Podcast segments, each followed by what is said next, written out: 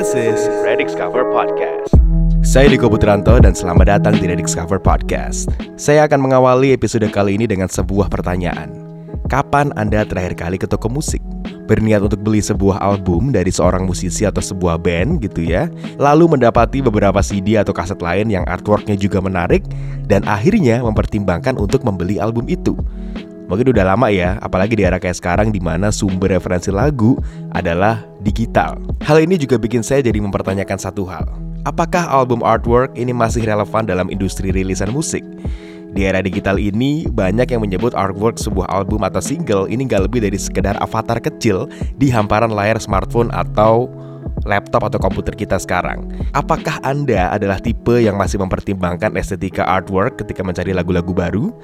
Apakah Anda bisa mempertimbangkan untuk mendengarkan sebuah lagu hanya berbasis dari ketertarikan atas desain visual sampulnya? Saya pribadi bahkan tidak terlalu bisa mengingat artwork apa yang jadi favorit saya di beberapa tahun terakhir ini.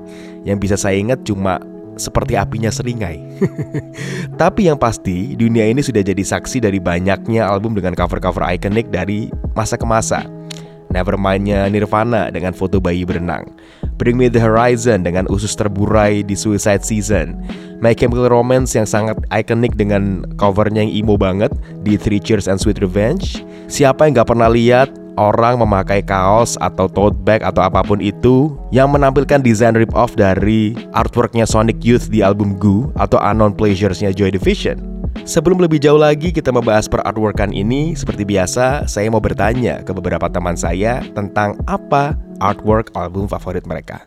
BMTH yang payung album yang artworknya menurutku keren itu albumnya sore yang Lost Good Playboys The Beatles sing album eh Birut album artwork favoritku itu ini Sigit The Sigit yang Deturn karena ya apa psychedelic banget sih. Sebenarnya yang bagus itu artwork singlenya yang Another Day. Cuman kan itu bukan album ya jadi nggak tahu counted or not.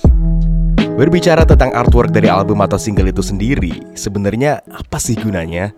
Apakah cuma sekedar keren-kerenan aja atau ada maksud tersendiri dari sebuah desain visual yang ditampilkan? Menurut Hannah Thacker, seorang head of music dari Large Media di Manchester, Inggris, Artwork dalam sebuah album berfungsi sebagai sebuah pintu gerbang yang membawa pendengar kepada sebuah ekspektasi pada sebuah album. Cover dengan konsep yang kuat akan membuat sebuah statement, karena kekuatan itulah yang nantinya akan jadi kesan pertama sebelum pendengar memilih untuk mendengarkan musik tersebut. Sebagai contoh adalah Kanye West.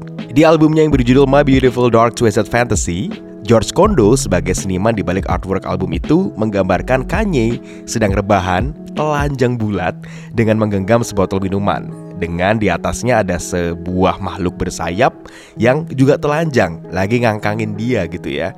Si seniman pernah bilang kalau emang si Kanye West ingin menampilkan sesuatu yang nantinya berpotensi akan di-ban, akan dilarang. Dan ternyata emang sukses beneran di band akhirnya nih Dan sebenarnya hal ini juga sesuai dengan konsep albumnya Kanye Yang ingin menampilkan sisi gelap dari dirinya. Jadi mungkin sisi gelap sama dengan di band.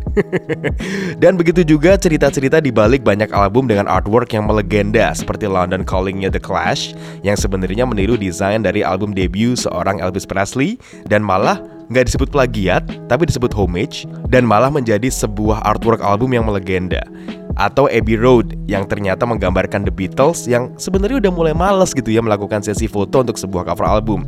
Tapi nyatanya legendaris juga. Apa pun cerita di balik pembuatannya, artwork sebuah album atau single tentu ditujukan untuk para calon pendengar album tersebut. Jadi semacam panduan visual gitu ya untuk para audiens untuk mempersiapkan diri sebelum masuk dunia yang nantinya akan ditampilkan atau diperdengarkan. Tapi sekali lagi di era digital ini, di mana penjualan CD fisik bukan lagi jadi sumber pemasukan yang signifikan bagi para musisi, artwork album mengalami degradasi dalam hal value. Ya wajar sih, bayangin ya, kalau kita flashback atau track back ke era kakek kita di mana artwork album dicetak dalam ukuran 31 kali 31 inci karena zaman itu kan vinyl ya yang jadi sumber utama audio. Seiring berjalannya waktu berkurang jadi ukuran kemasan kaset pita. Sedikit mengalami perkembangan di era CD, jadi agak gedean dikit. Sekarang berdegradasi lagi jadi seukuran thumbnail di Spotify atau iTunes. Jadi, apakah cover art atau album artwork ini sudah nggak ada artinya lagi?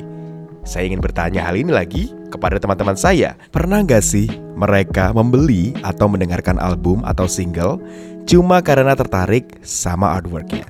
Kayaknya nggak ada deh. Dulu tuh waktu SMP suka sama albumnya Linkin Park yang Hybrid Theory itu kan bagus kayak gambar orang terus belakangnya ada sayapnya itu bagus sih tapi ya nggak beli karena itu juga sih karena lagunya enak jadi belum pernah beli album karena artworknya Uh, kalau aku pribadi seringnya beli album itu pertama ngelihat uh, artworknya, Wow. lihat artworknya karena bagus akhirnya tak beli. Terus beberapa juga karena memang suka artisnya. Sebelum era internet, kita diharuskan untuk membeli rilisan fisik seperti kaset, vinil, atau CD untuk bisa mendengarkan lagu dari musisi-musisi favorit. Pada masa itu, artwork bukan cuma sekedar representasi visual dari sebuah album, tapi juga sebagai pemikat utama atau kalau zaman sekarang bilangnya clickbait. kalau kita udah terpancing, kita sudah terbait, kita kemudian akan bisa tertarik untuk mengambilnya dari rak di toko kaset atau toko CD dan mungkin membelinya. Tapi ternyata setelah diminiaturisasi menjadi sebuah icon kecil di Spotify dan kawan-kawan, tidak serta-merta mengecilkan peran dari artwork sebuah album atau single. Justru, sekarang para musisi dituntut untuk lebih kreatif dalam menampilkan pesan yang ingin mereka bawakan via medium yang lebih terbatas. Artwork yang tepat dan menarik akan tetap menjadi sebuah faktor pendukung menjulangnya sebuah karya. Artwork yang tepat bakal bisa diterjemahkan menjadi desain merchandise seperti t-shirt, poster, casing handphone yang pasti bisa mendatangkan pemasukan bagi sang musisi dan bisa memberikan kebanggaan bagi pendengarnya. Kalau podcast ini bisa cukup menarik untuk Anda, boleh sih di follow Spotify atau Instagramnya at Rediscover. Di share di Instagram Story juga boleh. Yang pasti terima kasih sudah mendengarkan podcast ini. Saya Diko Putranto, sampai jumpa di episode berikutnya.